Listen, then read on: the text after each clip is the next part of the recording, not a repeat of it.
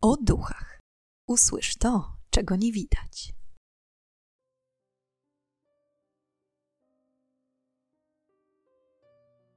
Witam i pytam, czego dusza pragnie. Strasznie miło mi gościć Was na moim kanale. Każda zbrodnia jest przerażająca. Każdy morderca zasługuje na potępienie. Ale nie da się ukryć, że niejednokrotnie zbrodnie, choćby najbardziej krwawe, są inspiracją do powstawania różnych tworów świata kina, muzyki czy literatury. Dzisiejsza historia, historia pierwszego amerykańskiego seryjnego mordercy, stała się z kolei pomysłem na powstanie nowej gry The Dark Pictures Anthology. Dzisiejszy odcinek nie jest oczywiście odcinkiem sponsorowanym. Ma za zadanie jedynie przekazać w ramach ciekawostki powiązanie prawdziwej historii mordercy z fabułą nowej gry Devil in Me, która jak zawsze utrzymana jest w klimacie horroru. Na wstępie chciałam Wam podziękować jak zawsze za wspieranie kanału i wszelkiego rodzaju aktywność. Nie ma nic lepszego od świadomości, że treści, które tworzę, Wam się podobają. Jeszcze raz dziękuję i już nie przedłużając, zapraszam do słuchania. Był rok 1895, kiedy policja w Chicago odkryła mroczną tajemnicę, jaką przez lata skrywały ściany hotelu prowadzonego przez doktora Henry'ego Howarda Holmesa. Powszechnie lubiany i szanowany Holmes, mąż i ojciec, pracujący niegdyś jako lekarz, następnie właściciel zamkowego hotelu, nie był tym, za kogo wszyscy go uważali. Sławę przyniosło mu bycie pierwszym seryjnym mordercą w Ameryce Północnej.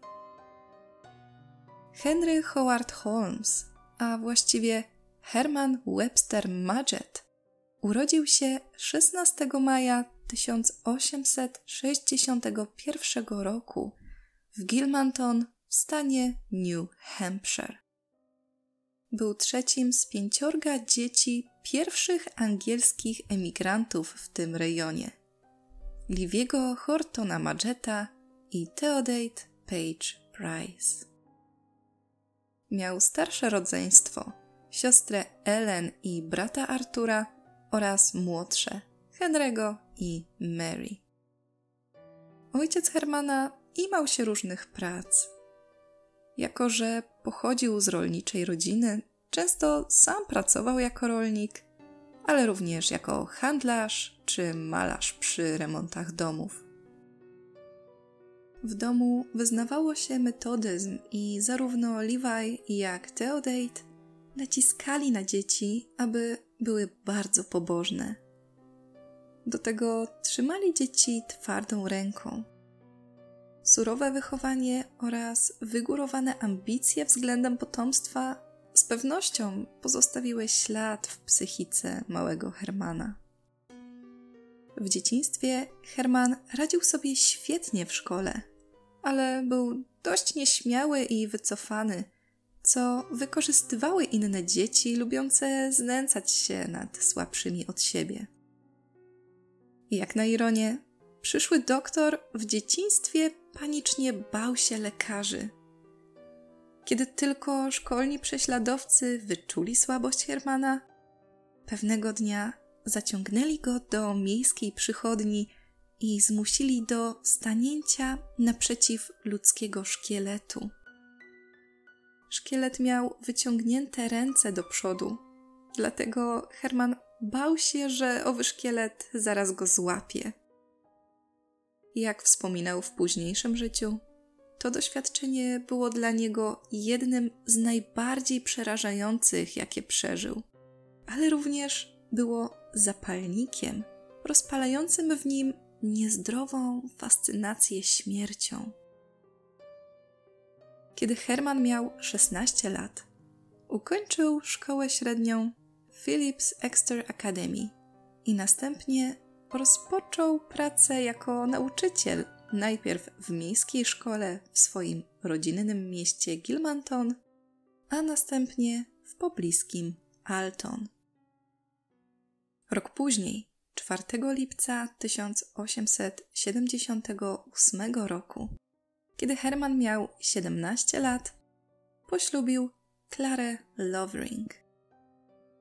W 1879 roku Herman zapisał się na studia na University of Vermont w Burlington, ale niezadowolony z prowadzonych zajęć zrezygnował po roku. Wtedy też 3 lutego 1880 roku para powitała na świecie swojego pierwszego syna Roberta, który w dorosłym życiu został księgowym, pełniąc funkcję kierownika miasta Orlando na Florydzie. Dwa lata po narodzinach syna, Herman, chcąc nadal się rozwijać, zapisał się na kolejny uniwersytet. Tym razem Wydział Medycyny i Chirurgii Uniwersytetu Michigan, który ukończył w czerwcu 1884 roku. W czasie studiów Herman większość czasu spędzał w laboratorium anatomicznym wraz z profesorem Williamem Jamesem Herdmanem, ówczesnym pionierem badań nad anatomią człowieka. Co więcej, chodziły plotki, że zarówno Herman, jak i William kradli zwłoki z pobliskich cmentarzy w celu przeprowadzania na nich badań.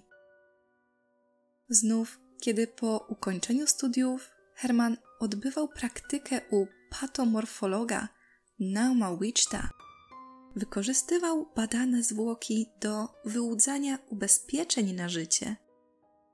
Miał masakrować je do tego stopnia, aby były nie do rozpoznania i przekonywać firmy ubezpieczeniowe, że są to osoby i równocześnie jego klienci, którzy zginęli w wypadkach samochodowych. Herman uchodził za dobrego studenta i obiecującego medyka. Niestety, w odróżnieniu od pełnego sukcesów życia zawodowego, jego życie prywatne nie było już tak udane. Herman miał coraz gorzej traktować swoją żonę. Sąsiedzi często byli świadkami, jak ten niepozorny, łagodny intelektualista szarpał i popychał Klarę. A jeśli dopuszczał się takich czynów wśród ludzi, było niemal pewne, że za zamkniętymi drzwiami mogło być tylko gorzej. Coraz brutalniejsza strona męża skłoniła Klarę do opuszczenia go w 1884 roku, tuż przed tym, jak Herman skończył studia. Wraz z synem powróciła do swojego rodzinnego New Hampshire, a po latach zeznawała, że tak naprawdę nie wiedziała nic o swoim mężu. Charakter Hermana zmieniał się z dnia na dzień. Był coraz bardziej gburowaty i porywczy w stosunku do każdego, kto tylko miał z nim styczność. Po zakończeniu edukacji przenosił się kilka razy, najpierw do stanu Nowy Jork, do miasta Moores Forks, ale po rozpuszczonej plotce, jakoby sąsiedzi mieli widzieć Hermana z małym chłopcem, które następnie zniknął bez śladu, Majet opuścił miasto, kierując się do Filadelfii. Sam twierdził, że chłopiec po prostu wrócił do swojego domu w Massachusetts, ale obarczony podejrzliwymi spojrzeniami, wolał zmienić otoczenie. W Filadelfii jednak nie zagrzał długo miejsca i jego kolejnym miejscem zamieszkania została Pensylwania. Tam dostał pracę jako opiekun w Norristown State Hospital, ale pracował tam zaledwie kilka dni. zmienił pracę na rzecz zostania aptekarzem w Filadelfii. W każdym z miejsc pracy rozwijał swoją profesję i nabierał doświadczenia oraz nowej wiedzy na temat leczenia i medykamentów. Niestety i tym razem Herman dość szybko zrezygnował z posady. Miało to związek z tajemniczym wypadkiem, jaki miał miejsce podczas jego zmiany. Mianowicie pewien chłopiec, który niedługo wcześniej zakupił lek w aptece Hermana, zmarł nagle po jego zażyciu. Herman oczywiście zaprzeczył, że miał jakikolwiek związek ze sprawą, ale i tym razem postanowił cichaczem wyjechać z miasta. Zanim zamieszkał w nowym miejscu, zmienił też nazwisko na Henry Howard Holmes, aby zacząć z czystą kartą i aby nikt nigdy nie mógł go połączyć z wcześniejszymi dziwnymi wydarzeniami. Mianował się doktorem i od tej pory, zamieszkując początkowo w Chicago, opowiadał wszystkim dookoła, że jest lekarzem. W 1886 roku Holmes poznał Myrtę Belknap. Jeszcze tego samego roku para wzięła ślub. Myrta nie wiedziała, że Holmes w tamtym czasie nadal prawnie był mężem Klary.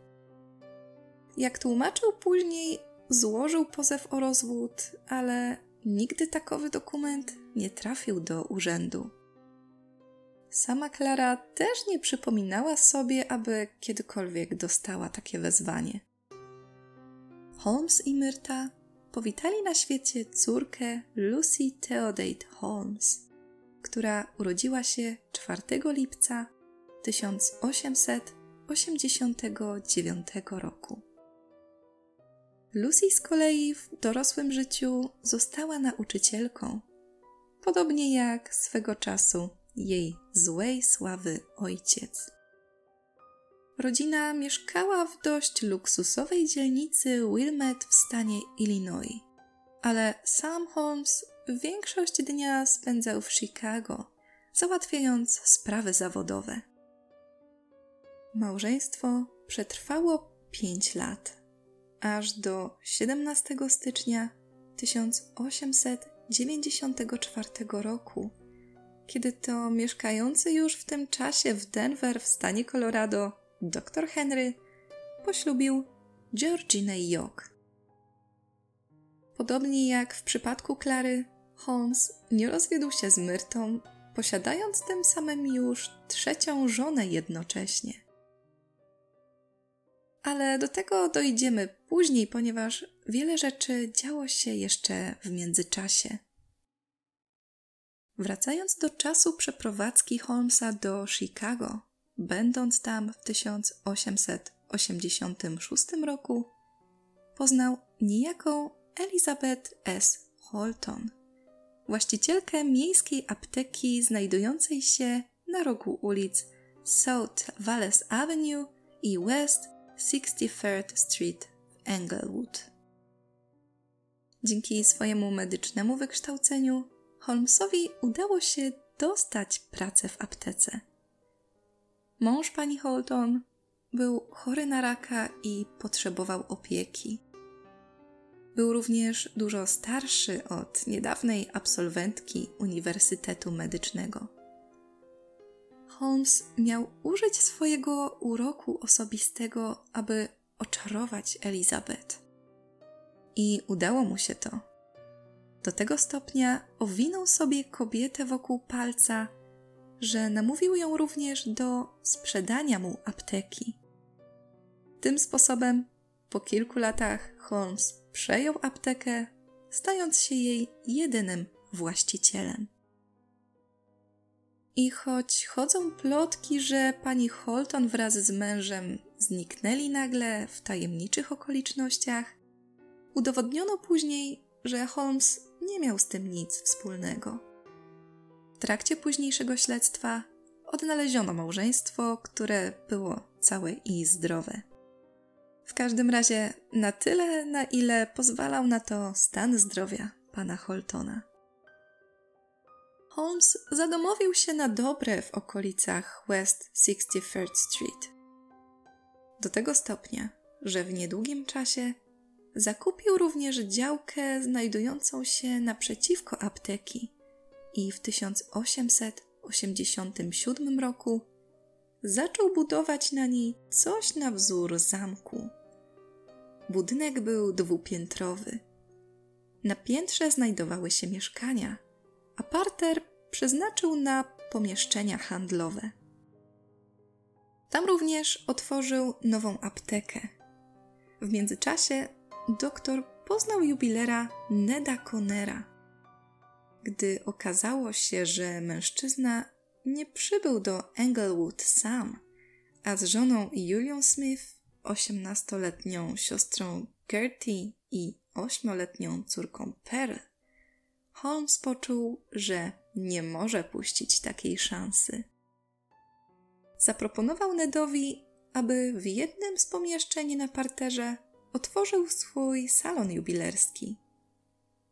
Mężczyzna zgodził się, a podstępny doktor w krótkim czasie rozpoczął romans zarówno z żoną, jak i siostrą jubilera. Romanse jednak długo nie pozostały tajemnicą.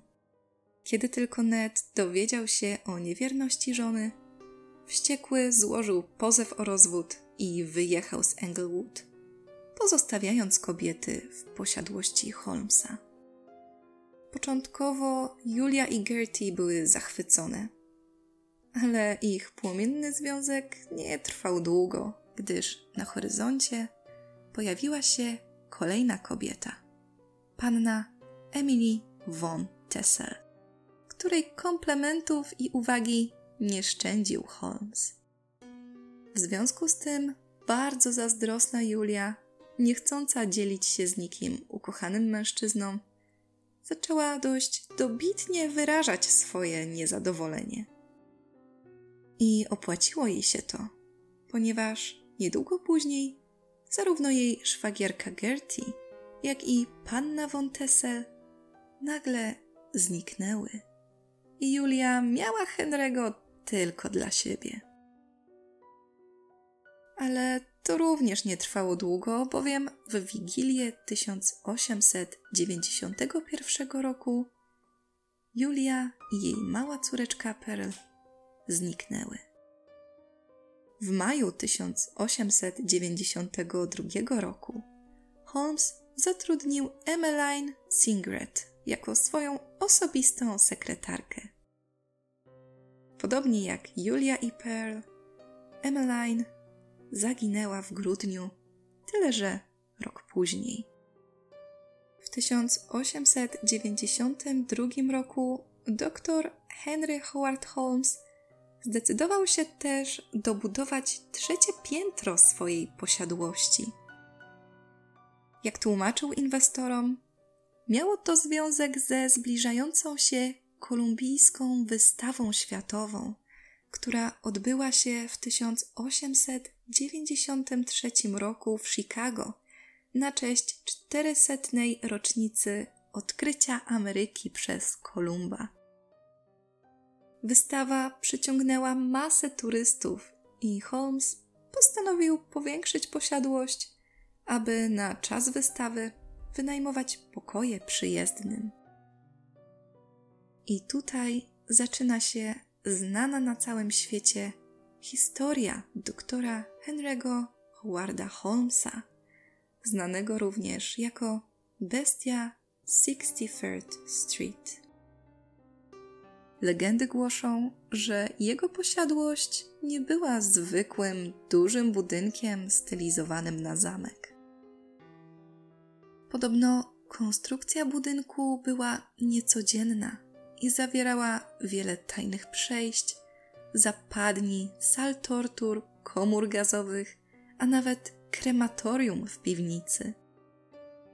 Znów inne plotki głosiły, że budynek składał się z ponad stu pokoi utworzonych na wzór labiryntu, wśród którego znajdowały się drzwi, za którymi stały zamurowane przejścia, schody prowadzące donikąd, czy też pokoje bez okien.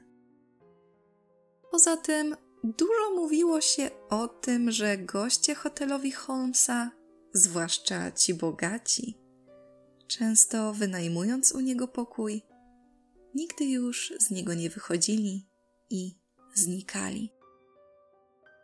Mniej więcej w tym samym czasie w zamku zamieszkała zamożna panna Minnie Williams, pochodząca z Mississippi, aktorka. Minnie początkowo pracowała w zamku jako osobista stenografka doktora, a z czasem zaczęła nieformalnie podawać się za żonę Holmesa. Kobieta oczarowana doktorem jako kolejna z wielu padła ofiarą manipulacji i zgodziła się przepisać na Holmesa posiadłość, którą miała w Fort Worth w Teksasie. Jednak i ta miłość nie przetrwała. Po kilku miesiącach znajomości, w połowie 1893 roku, do Mini przyszedł list od kuzynki Annie, mówiący, że Annie właśnie planuje wpaść do nich z wizytą. Nie minęło kilka dni odwiedzin, kiedy zarówno Mini, jak i Annie zniknęły w tajemniczych okolicznościach. Nikt nie widział ich żywych po 5 lipca 1893 roku. 17 stycznia 1894 roku, jak już wcześniej wspominałam, Holmes ożenił się po raz trzeci z Georginą York. Niedługo po ślubie Holmes został aresztowany za drobne wykroczenie. Georgina, przekonana o niewinności męża, wpłaciła kaucję, dzięki czemu Holmes wyszedł na wolność. Kilkanaście dni później kobieta zniknęła bez śladu. Henry Howard Holmes miał również przyjaciela i można rzec prawą rękę w konszachtach i oszustwach finansowych. Przyjacielem tym był Benjamin Pitzel, stolarz zamieszany w kilka spraw kryminalnych. Mężczyźni poznali się lata wcześniej, podczas wspólnej pracy w Chemical Bank, budynku banku znajdującym się w Nowym Jorku. W lipcu 1894 roku Holmes tymczasowo wyjechał do Teksasu, do posiadłości przepisanej przez Minnie Williams w Wordsworth. Tam Holmes wpadł na pomysł kolejnej próby wyłudzenia odszkodowania. Jak wiadomo, robił tak już wcześniej ze zwłokami, które kradł z cmentarza. Mianowicie podsunął Pizzelowi pomysł, aby ten sfingował własną śmierć. Holmes miał ponownie ukraść zwłoki i odpowiednio je oszpecić, a następnie upozorować śmierć jako nieszczęśliwy wypadek. Do tego zadania zwerbował nawet adwokata Jeptiego Hoła, któremu również spodobał się pomysł łatwego zarobku. Według planu Pitzel miał zgłosić się do ubezpieczyciela pod zmienionym nazwiskiem B. F. Perry, podając się za naukowca i wynalazcę. Następnie, wskutek nieszczęśliwego zbiegu okoliczności, ów naukowiec miał zginąć przez wybuch chemikaliów w jego biurze. Po zdobyciu ciała, Howe miał podać się za jego adwokata, prosząc o wypłatę ubezpieczenia i tym samym kwotę podzielić między cztery osoby: Holmesa, Pizzela, jego żonę oraz adwokata. I kiedy wszystko było już ustalone, Holmes zachował się nieprzewidywalnie. Zamiast znaleźć zwłoki pasujące do opisu Pizzela, jego samego pozbawił życia. najpierw doprowadził do utraty przytomności przy pomocy chloroformu, a następnie podpalił ciało jeszcze żyjącego mężczyzny. Tym samym ubezpieczycielowi okazał prawdziwe ciało Pizzela, dzięki czemu uzyskał 10 tysięcy dolarów. Żona Pizzela, przekonana o tym, że jej mąż ukrywa się w Londynie w celu uniknięcia demaskacji, czekała cierpliwie na jego powrót. Z niewiadomych przyczyn też zgodziła się oddać pod opiekę Holmesa trzy z pięciorga jej dzieci. Holmes obiecał oddać dzieci pod opiekę zaufanej kobiety. Alice, Nelly i Howard przez pewien czas towarzyszyli doktorowi, ale w momencie zatrzymania mężczyzny już ich z nim nie było. I to właśnie był powolny początek końca działań przestępczych Holmesa. Towarzystwo ubezpieczeniowe, które wypłaciło odszkodowanie za zmarłego Pizzela, otrzymało list od więźnia, który swego czasu przebywał w celi z Holmesem. Więzień opisał w liście całą intrygę, którą zaplanowali Holmes, Pitzel i Howe. Wiedział o wszystkim, ponieważ jemu Holmes obiecywał procent z ubezpieczenia, ale jak przyszło co do czego, to więzień nie dostał ani grosza. Wściekły postanowił się zemścić wysyłając list. Po otrzymaniu listu rozpoczęła się akcja poszukiwawcza. Wiecznie zmieniający miejsce zamieszkania Holmes nie ułatwiał sprawy. Udało się to dopiero 17 listopada 1894 roku. Frank Geyer, detektyw agencji detektywistycznej z Filadelfii, odnalazł Holmesa w Bostonie. Doktor został aresztowany najpierw pod zarzutem kradzieży koni, ponieważ nie posiadano żadnych niezbitych dowodów na przekręt opisany w liście. Ale po pewnym czasie Holmes, przyparty do muru, w końcu przyznał się do sprytnego planu wyłudzenia ubezpieczenia. Powiedział też, że Pitzel popełnił samobójstwo, a dzieci gdzieś zaginęły. Jednak późniejsze badania zwłok dostarczonych do ubezpieczyciela potwierdziły, że były to prawdziwe zwłoki Pizzela.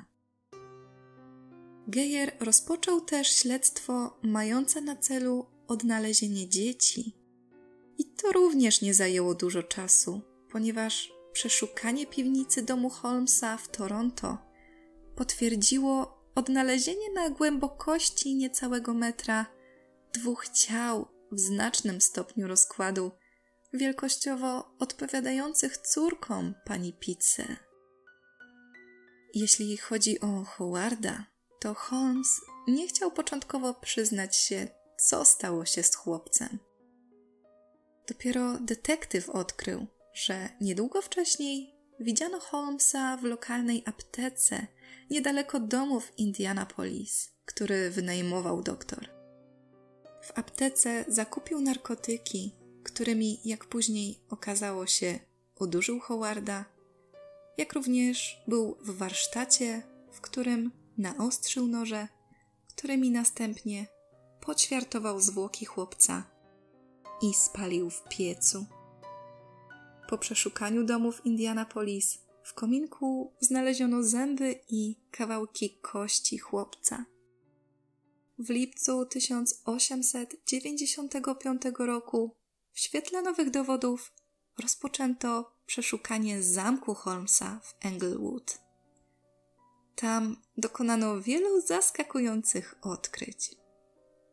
W zamku każdy pokój posiadał ukryte wizjery oraz doprowadzone z gabinetu Holmesa rurki gazowe.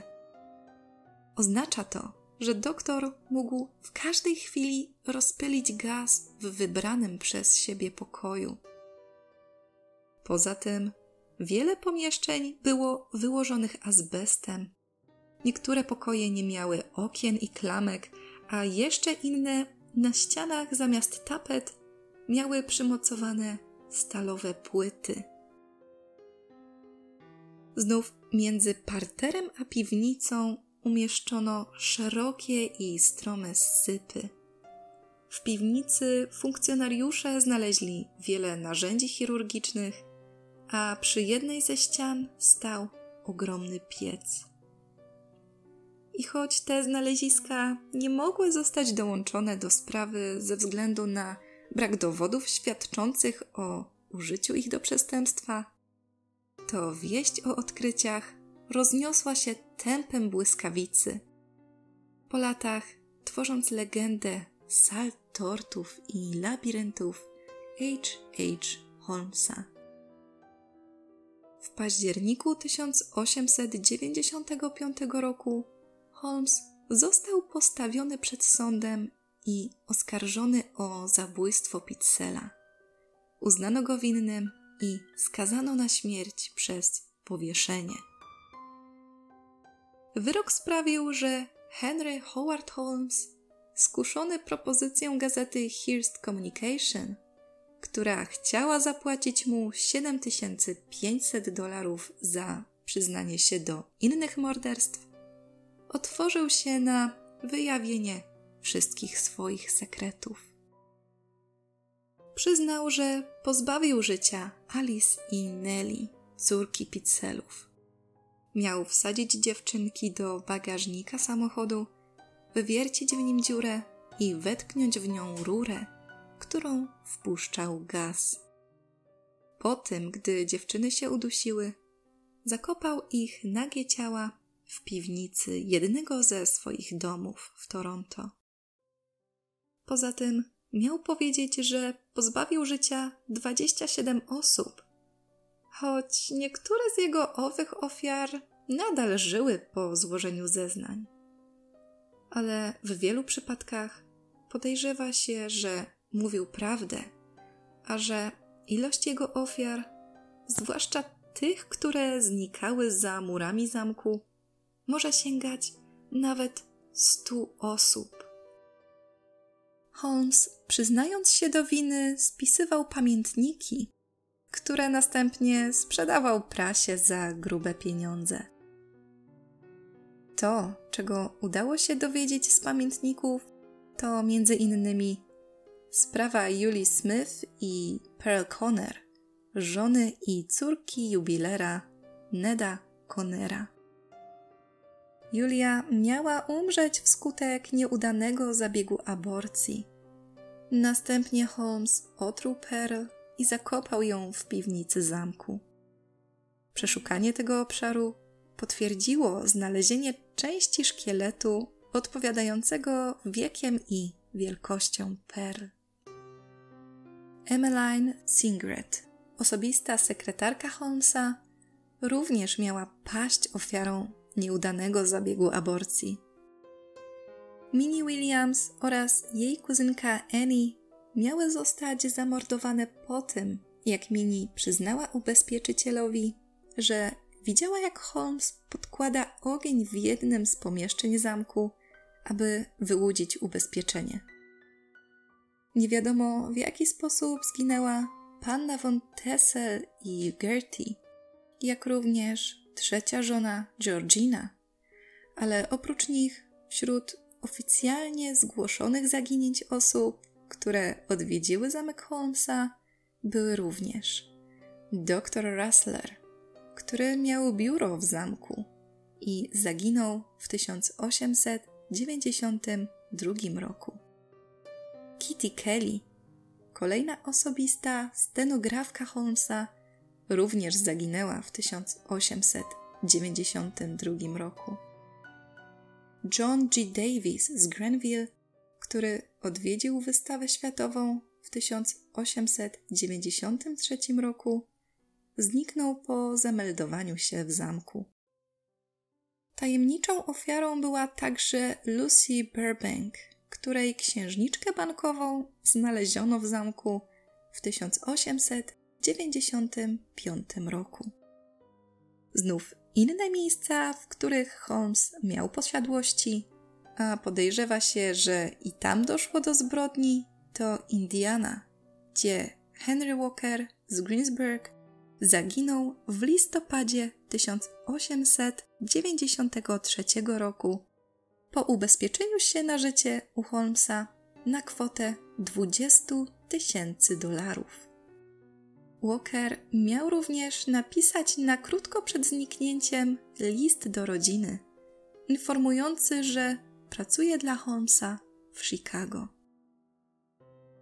Milford Cole z Baltimore w stanie Maryland zniknął po otrzymaniu telegramu od Holmesa z prośbą o przybycie do Chicago w lipcu 1894 roku. W międzyczasie Holmes część ze swoich zeznań odwołał, mówiąc, że opętał go szatan.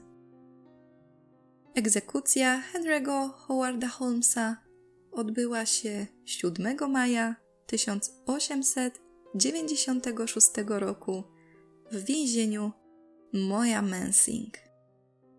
Do dziś nie wiadomo, ile faktycznie osób padło ofiarą Holmesa, ale jedno jest pewne. Henry Howard Holmes stał się znany jako pierwszy amerykański seryjny morderca. I choć od jego śmierci minęło już ponad 126 lat, to jego zła sława pozostała w pamięci wielu osób. Podczas późniejszych prób tworzenia profilu psychologicznego Holmesa uważano, że idealnie pasował on jako osoba torturująca zwierzęta i bita przez agresywnego ojca. Jednak nikt nigdy nie potwierdził tych przypuszczeń w stu procentach. Na koniec, jako ciekawostkę, powiem Wam jeszcze, że ostatnim życzeniem Holmesa było zabetonowanie jego trumny, aby nikt nigdy nie próbował robić na jego ciele eksperymentów, których tak bardzo się bał. I przez długi czas jego wola zostawała spełniona, aż do 2017 roku kiedy to z powodu wielu plotek mówiących, że Holmes jakimś cudem uniknął egzekucji, Muzeum Archeologii i Antropologii Uniwersytetu Pensylwanii pod przewodnictwem Janet Monch dokonało ekshumacji w celu zbadania ciała. Po wydostaniu spod betonu zwłok strumny okazało się, że zachowały się one w bardzo dobrym stanie. Ubranie było idealne, a wąsy nienaruszone. Po badaniach, które swoją drogą potwierdziły tożsamość Holmesa, został on ponownie pochowany. Jestem ciekawa, co sądzicie o tej sprawie. Ile w opowieściach Holmesa i informacjach podanych przez tabloidy jest prawdą, a ile fikcją utworzoną na potrzeby rozgłosu? Zapraszam do dyskusji w komentarzach. Dziękuję Wam za dziś i już teraz zapraszam Was na kolejny odcinek podcastu o duchach, w którym opowiem Wam już w części drugiej o horrorach, które zostały oparte na prawdziwych wydarzeniach. Życzę Wam wszystkiego dobrego i do usłyszenia